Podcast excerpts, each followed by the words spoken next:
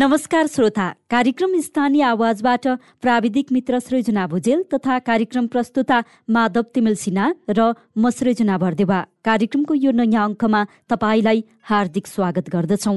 कार्यक्रम स्थानीय आवाज तपाईँले हरेक दिन ठिक साँझ साढे सात बजेबाट आधा घण्टा रेडियो क्यान्डिड बयानब्बे दशमलव सात मेगा हर्चमा हाम्रो website W W dot radio candid dot कममा हाम्रो आधिकारिक फेसबुक पेजमा रेडियो क्यान्डिडको एप्स डाउनलोड गरेर र पोडकास्टमा समेत सुन्न सक्नुहुनेछ। आजको कार्यक्रम स्थानीय आवाजमा हामी खोटाङ जिल्लाको केपिलासगढी गाउँपालिकाको चिनारी र यसै पालिकाका अध्यक्ष कृष्ण कुमार राईसँग कुराकानी गर्दैछौँ। श्रोता प्रदेश नम्बर एक अन्तर्गत खोटाङ जिल्लामा अवस्थित केपिलास गढी गाउँपालिका प्राकृतिक सुन्दरताले भरिपूर्ण छ।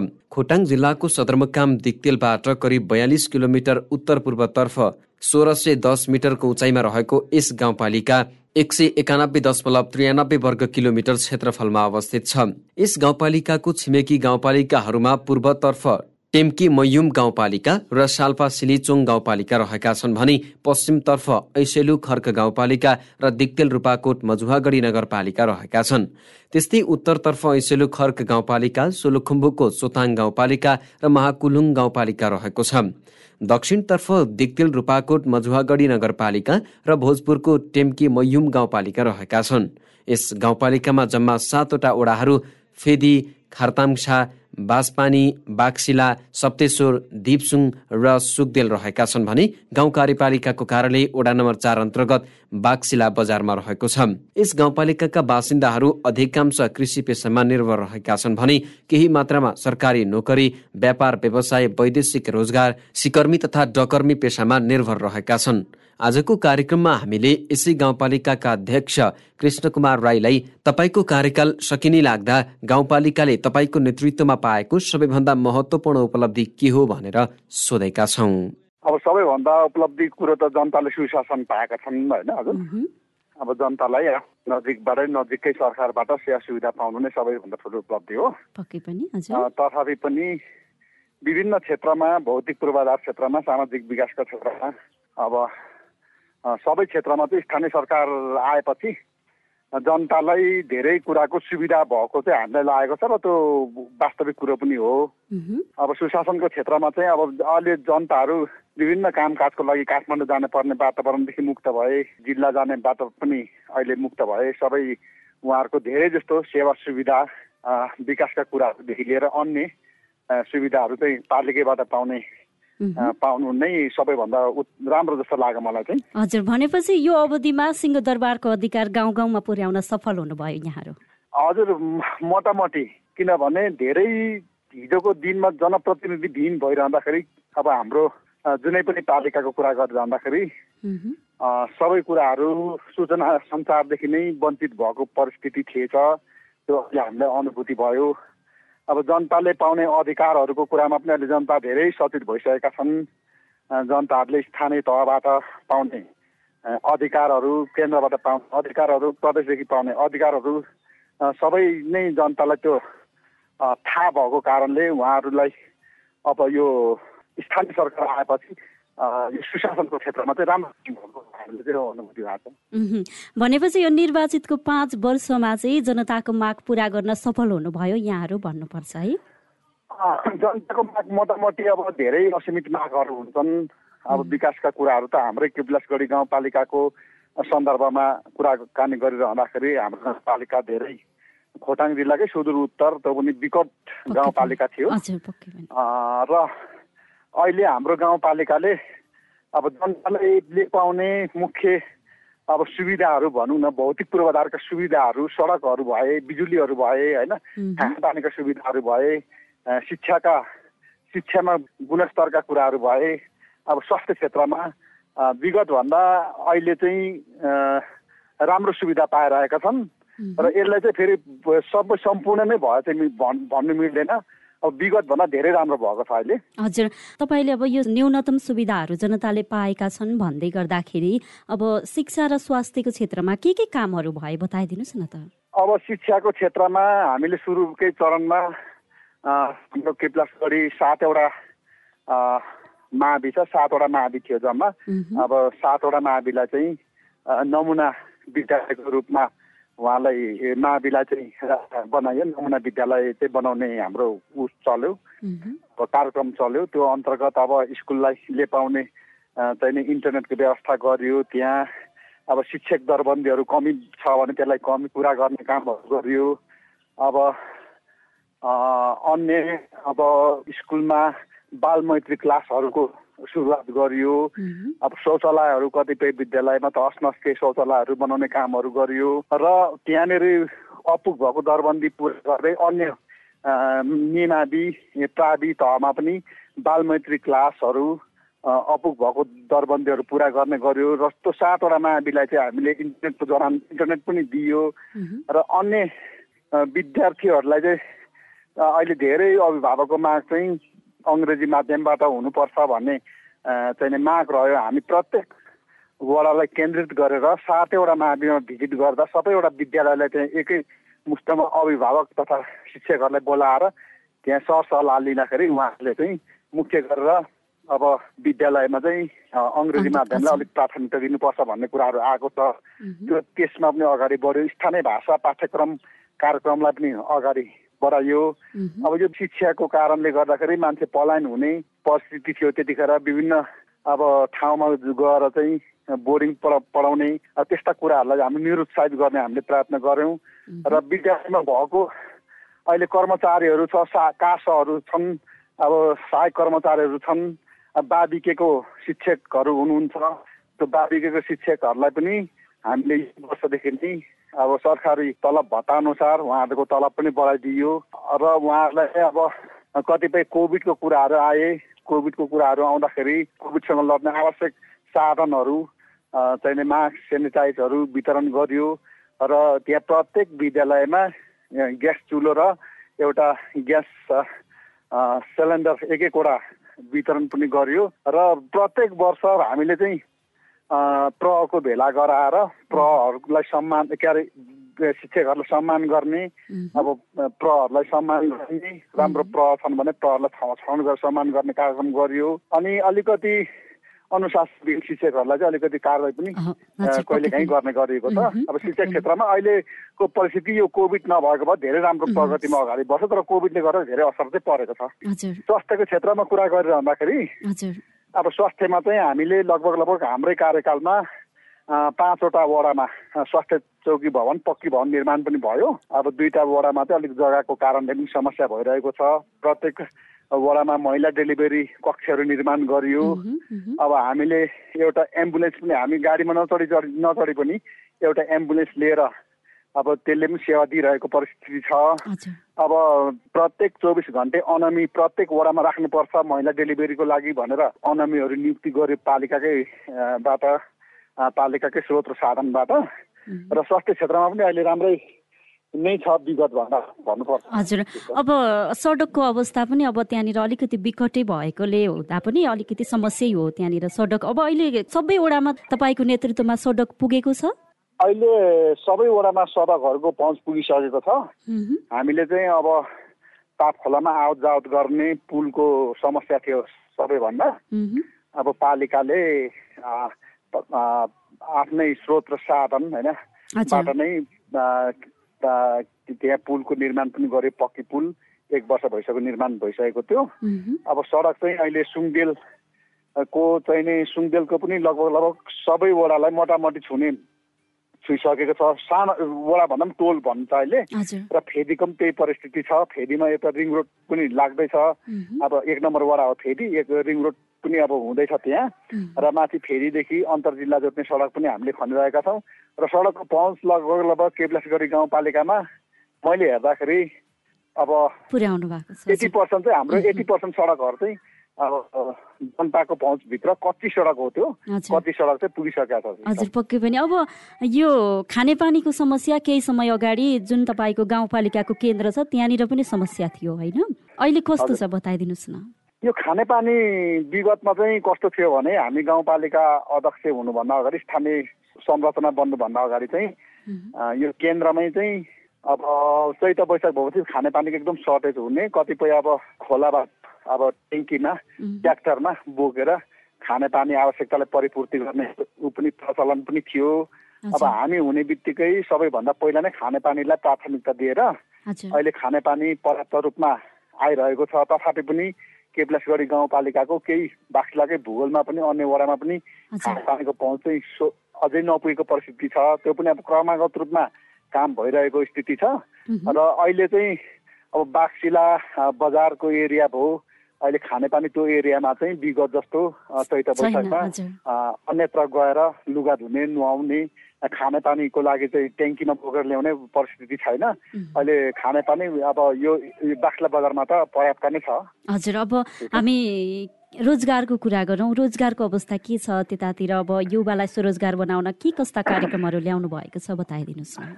अब स्वरोजगार बनाउनु त सत अब पैसा आएपछि काम बजेटिङहरू आएपछि अब विभिन्न कामहरू त भइ नै रहन्छ।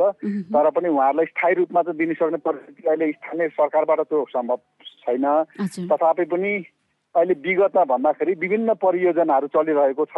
विभिन्न ठाउँमा चाहिँ चाहिँ कुनै ठाउँमा स्कुल बनिरहेको परिस्थिति छ। कुनै ठाउँमा चाहिँ अब अन्य कामहरू भइरहेको स्थितिले गर्दाखेरि युवालाई रोजगार विगतभन्दा राम्रै उहाँको तलब पाउने हिसाब किताबले अब दैनिकी ज्यालादारी पाउने हिसाब किताबले राम्रै नै अहिले पाइराख्नु भएको छ। तथापि प्रधानमन्त्री स्वरोजगारले पनि धेरै राम्रो काम गरेको छ। अब प्रत्येक युवालाई अब बेरोजगारी युवा युवालाई चाहिँ सय दिनसम्म अनिवार्य काम लगाउने भने पनि त्यो त्यसले गर्दाखेरि पनि युवाले काम गर्ने। अब युवा भन्नाले पनि अब दैनिक ज्यालादारीमा काम गर्नेहरूको लागि सहजता पैदा गरेको छ। र अन्यमा पनि युवाहरूले विगतमा भन्दाखेरि अब हिजो चाहिँ नि एउटा वडामा तिस लाख पैसा आउँथ्यो भने त्यही वडामा अहिले चाहिँ चाहिँ नि दुई तिन करोड चार पाँच करोड योजनाहरू आइरहेको हुन्छ। त्यसले पनि युवाहरूलाई ग्रिप गरेर युवाहरूको स्वरोजगारमा मद्दत चाहिँ मिलेको छ। र स्थायी रूपमा उहाँहरूलाई चाहिँ रोजगार दिने परिस्थिति अहिले भएको छैन। केपिलासगढी गाउँपालिका चाहिँ कृषिमै निर्भर रहने भएका हुनाले चाहिँ अब कृषिको क्षेत्रमा चाहिँ के कस्ता योजनाहरू कार्यान्वयनमा ल्याउनु भएको छ? अब हामीले कृषि क्षेत्रमा चाहिँ अलिकति निकै गहन अध्ययन पनि गऱ्यौँ। अब हामीले के अरे यो सुक्खा ज जग्गामा धान बाली लगाउने भनेर हामीले प्रयास पनि गर्यो त्यो अहिले अलिकति सफल पनि हुन सकिएन। तर कृषि क्षेत्रमा उहाँहरूलाई चाहिँ तालिमहरू दिने होइन?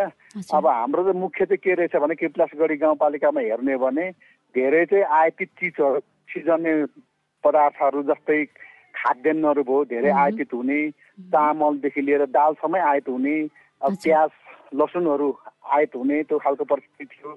अब चामललाई उत्पादन गर्नुपर्छ भन्ने हाम्रो ठुलो चाहिँ नि ऊ रहेको छ त्यो चिजलाई चाहिँ बन्दै गर्नुपर्छ। अब जस्तै प्याज उत्पादन गर्ने मान्छेहरूलाई प्रोत्साहन गर्ने अब उहाँहरूलाई जस्तै पचास किलोभन्दा ऊ प्याज उत्पादन गर्नेलाई चाहिँ अनुदान दिने अनि बाँझो खेतीहरू छन्।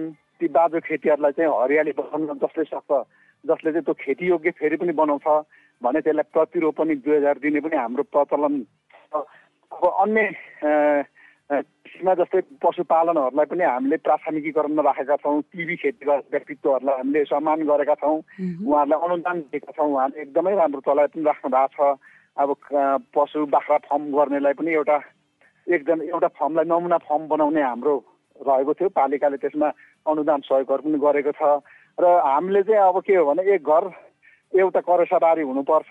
फाल्टो किनेर नखानु भनेर हामीले प्रत्येक घरलाई करेसेबारी बनाउनको लागि टनेल पाइपहरू पनि वितरण गरेका छौँ। अब प्रत्येक वर्ष टनेलहरू पाइपहरू वितरण गर्ने गरेका छौँ र अन्य कृषिको चाहिँ तालिमहरू दिने होइन सब्जीहरूको क्याट उत्पादन गर्ने बेमौसम तरकारी उत्पादन गर्ने तालिम दिएका छौँ। अहिले लेटेस्ट चाहिँ तपाईँको हाम्रो कार्यक्रम अब केप्लास गरी गाउँपालिकामा मौरी पकेट क्षेत्र घोषणा गर्ने हाम्रो प्रयत्न रहेको छ। अब यो कार्यकालमा त सम्पन्न हुँदैन तथापि पनि हामीले यो प्रक्रिया अगाडि बढिसकेका छौँ। अहिले मौरी घार तालिमको चाहिँ नि भइरहेको छ। मौरी घरलाई घार उत्पादन गर्ने मौरीको रानालाई उत्पादन गर्ने अनि प्रत्येक घरमा चाहिँ अनिवार्य पाँचवटा मौरी गुड चाहिँ अनिवार्य हुनुपर्ने। उहाँलाई त्यो गुड मौरी सहितको मौरी घार चाहिँ अनुदानमा दिन्छ र पाँचवटा मौरी डुड अनिवार्य दिएर उहाँहरूलाई चाहिँ अब व्यावसायिक रूपमा माउरीलाई उत्पादन गर्ने। अब मह पनि अत्यन्तै महँगो भएको कारणले हाम्रो यहाँको चाहिँ चाहिँ अर्ग्यानिक मह चाहिँ बाहिर सप्लाई गर्ने त्यो खालको वातावरण हामी तयार गर्दैछौँ हजुर अब थोरै पर्यटकीय सम्भावनाहरूको कुरा गरौँ। अब तपाईँको गाउँपालिकाभित्र चाहिँ पर्यटकीय क्षेत्रहरू कतिका छन् र त्यसलाई बलियो बनाएर लैजान चाहिँ के कस्ता कामहरू गर्नुभएको छ?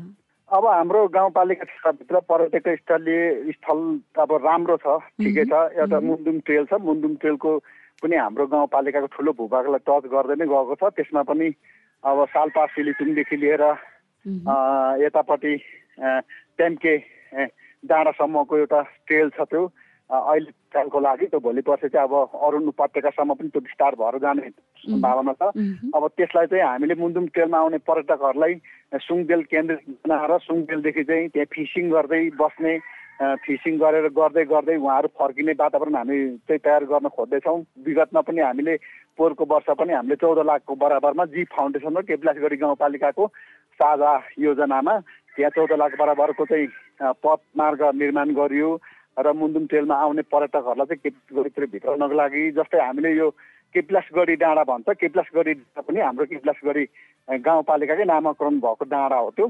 त्यो डाँडालाई पनि हामीले संरक्षण गर्ने अब सहयोग गर्ने। अहिले त्यसको पनि अब हाम्रो त्यसको पनि एउटा पुरानो अब हाम्रो किराँतहरूको राजा बस्ने ठाउँ भएको कारणले पनि त्यसलाई पनि संरक्षण गर्ने कामहरू गरेको छ। पहिलाभन्दा अलिक आकर्षण पनि छ जग्गाहरू पनि थप गरिएको छ। अब त्यस्तै गरेर तरावर भयो हाम्रो चाहिने चिलिम ढुङ्गा भयो केप्लास गढीबाट ढाल तरावर र चिलिम ढुङ्गासम्म जाने पथ मार्ग निर्माण गर्ने हाम्रो योजना रहेको छ। अब त्यसै गरेर चाहिँ लौरी डाँडा छ। लौरी डाँडाबाट हामी हाम्रो प्लानिङ चाहिँ के हो भनेदेखि लौरी डाँडादेखि प्ला प्याराग्लाइडिङ गऱ्यो भने सिधै सिधै झर्न सकिँदो रहेछ अब लौरी डाँडासम्म फेरि उता फेदीबाट चाहिँ केबल कारबाट चढ्नु सक्यो भनेदेखि चिलिम ढुङ्गा हुँदै लौरी डाँडासम्म केबल कार लाने प्लानिङ रहेको छ। र जो प्याराग्लाइडिङबाट झर्छन् झरेको मान्छेलाई चाहिँ सट्टै फेरि यताबाट गाडीमा फेदी गएर फेदीमा बसेर उहाँहरू फेरि पनि माथि चढेर केबल कारबाट उँभो जाने त्यो खालको हाम्रो प्लानिङ रहेको छ। तथापि पनि विस्तृत ठुलो परियोजना रहेकोले अब बिचमा हामीले यसलाई अध्ययन पनि गर्न खोजेका थियौँ तर त्यो सम्भावना रहेन। अब यसलाई गरेर जानुपर्छ र केप्लासगढी डाँडामा चाहिँ अहिले पर्यटनको फ्लो हजुर। यस्ता धेरै कामहरू गरिरहँदाखेरि निर्वाचनको बेला गरिएका प्रतिबद्धताहरू पुरा गर्नुभयो त? हामीले निर्वाचनमा गरेको प्रतिबद्धता पुरा गरियो। अब हामीले मुख्य गरेर स्वास्थ्यमा पनि अब पच्चिस सयको अस्पताल अस्पताल हस्पिटलको अवधारणा राखेका थियौँ। अहिले पन्ध्र सय हाम्रो बन्ने क्रममा छ। लगभग जग्गा पनि सम्मिसक्यो। अब जग निकाल्दै हुनुहुन्छ पन्ध्र सयको हस्पिटल अनि केपिलासगढी गाउँपालिकाको प्रत्येक घर घरमा बिजुली बत्तीको चाहिँ नै एउटा हामीले अवधारणा राखेका थियौँ। अहिले हामीले उज्यालो गाउँपालिका घोषणा अन्तर्गत प्रत्येक घरमा नपुगेका जुन चाहिँ विपन्न परिवार छन् ती विपन्न परिवारलाई चाहिँ बिजुली पुर्याउने क्रममा क्रम चलिरहेको छ त्यो टेन्डर पनि भइसकेको छ काम पनि गर्दैछन्। हामीले प्रत्येक वडामा पक्की सडकको पहुँच हुनुपर्छ। कच्ची सडक प्रत्येक वडामा पनि पुगिसकेको छ। एउटा पुलको आवश्यकता थियो त्यो पुललाई पनि हामीले पुरा गर्छौँ। मोटामोटी सिस्टर हामीले भनेको कुराहरू त पुरा गरिसक्छौँ हजुर अब हामी अन्तिममा छौँ। यो तपाईँको अब कार्यकालको अन्तिम समयमा आइपुग्दाखेरि चाहेर पनि गर्न नसकेका कामहरू के के हुन् बताइदिनुहोस् न। अब मुख्य मलाई दुःख लागेको कुरो केप्लासगढी गाउँपालिकामा यो कोभिडले गर्दाखेरि शैक्षिक सुधार पर्याप्त रूपमा गर्न सकिएन। शिक्षामा हाम्रा बालबालिकालाई हामीले प्रत्येक वर्ष चाहिँ भर्ना अभियान चलाएका थियौँ। अब त्यो भर्ना अभियान त क्रमगत रूपमा चल्ने नै हो तर कोभिडको कारणले गर्दाखेरि जति शिक्षामा गुणस्तर ल्याउनु पर्थ्यो त्यो ल्याउनु सकिएन।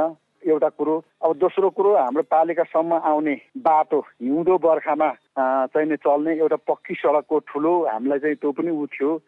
त्यो पनि हामीले पुरा गर्न सकेनौँ। अब त पक्की सडक आउनु पर्ने छ। अब त्यस्तै अघि मैले भने जस्तो पर्यटन पथमार्गहरू निर्माण गर्ने हामीले प्रयत्न गरेका थियौँ। किप्लासगढीदेखि लिएर यो माथिको जोबारी डाँडा हुँदै खातम्फाको माथिल्लो भेग डाँडा हुँदै ढाल तलवारदेखि चिलिमढुङ्गासम्मको चिलिमढुङ्गादेखि उता मुन्दुम ट्रेलसम्म जोड्ने प पथ मार्ग थियो त्यो पनि हामी गर्न सकेनौँ अब बिजुली त मोटामोटी पुगिसक्यो तथापि पनि हामीले धेरै बिजुली चाहिँ खपत हाम्रो स्थानीय लघु विद्युतबाट हुने भएको छ त्यो स्थानीय लघु विद्युतलाई चाहिँ हामीले केन्द्रमा केन्द्रबाट गर्नु खोजेको केन्द्रबाट नै हामीले सबैलाई अब धेरै अब कामहरू अहिले मिलहरू चलाउनु केन्द्रीय विद्युतको आवश्यक परेको हुनाले केन्द्रीय विद्युत जडान गर्नु थियो त्यो पनि हामी सकेन अन्य ठिकै छ हाम्रो अब अन्य सेवा सुविधाको त अब कार्यालय हामीले स्थापना गऱ्यौँ। कार्यालयबाट पनि अब हाम्रो आफ्नै भवन निर्माण भइसकेको छ। हाम्रो कार्यालयको लागि पनि अब जनताले पाउनु सेवा त्यहाँ त्यहाँदेखि पाउनुहुन्छ। तथापि पनि अब कर्मचारीहरूको सर्टेजहरू घरिघरि भइरहने त्यसलाई पनि हामीले परिपूर्ति गर्न अझै पनि सकेको परिस्थिति छैन शीतल हजुर। हुन्छ यो व्यस्तताको बावजुद पनि हामीलाई समय उपलब्ध गराइदिनु भयो। यहाँलाई धेरै धेरै धन्यवाद। हस् धन्यवाद। हजुरको रेडियो लगायत सम्पूर्ण रेडियो टिमलाई मलाई बोल्ने मौका दिनुभएकोमा विशेष म धन्यवाद व्यक्त गर्न चाहन्छु। आजको कार्यक्रम स्थानीय आवाजमा हामीले खोटाङको केपिलास गढी गाउँपालिकाको चिनारीसँगै यसै गाउँपालिकाका अध्यक्ष कृष्ण कुमार राईसँग कुराकानी गर्यौं। कार्यक्रम सुनेपछि तपाईँलाई कुनै सुझाव दिन मन लागेको छ अथवा कुनै स्थानीय तहका जनप्रतिनिधिसँग कुराकानी गरिदिए हुन्थ्यो भन्ने चाहनुहुन्छ भने हामीलाई हाम्रो फेसबुक पेजमा म्यासेज गर्नुहोस्। अथवा कार्यक्रमको इमेल ठेगाना रेडियो क्यान्डिड बयानब्बे दशमलव सात एट जिमेल डट कममा मेल गर्नुहोस्। उपयुक्त सुझावलाई हामी पक्कै ग्रहण गर्नेछौ। कार्यक्रम सुनिदिनु भयो तपाईँलाई धन्यवाद। हवस् त भोलि फेरि भेटौँला। सृजना भुजेल माधव तिमिल सिन्हा र म सृजना बर्देवा। विदा भयौँ। नमस्कार।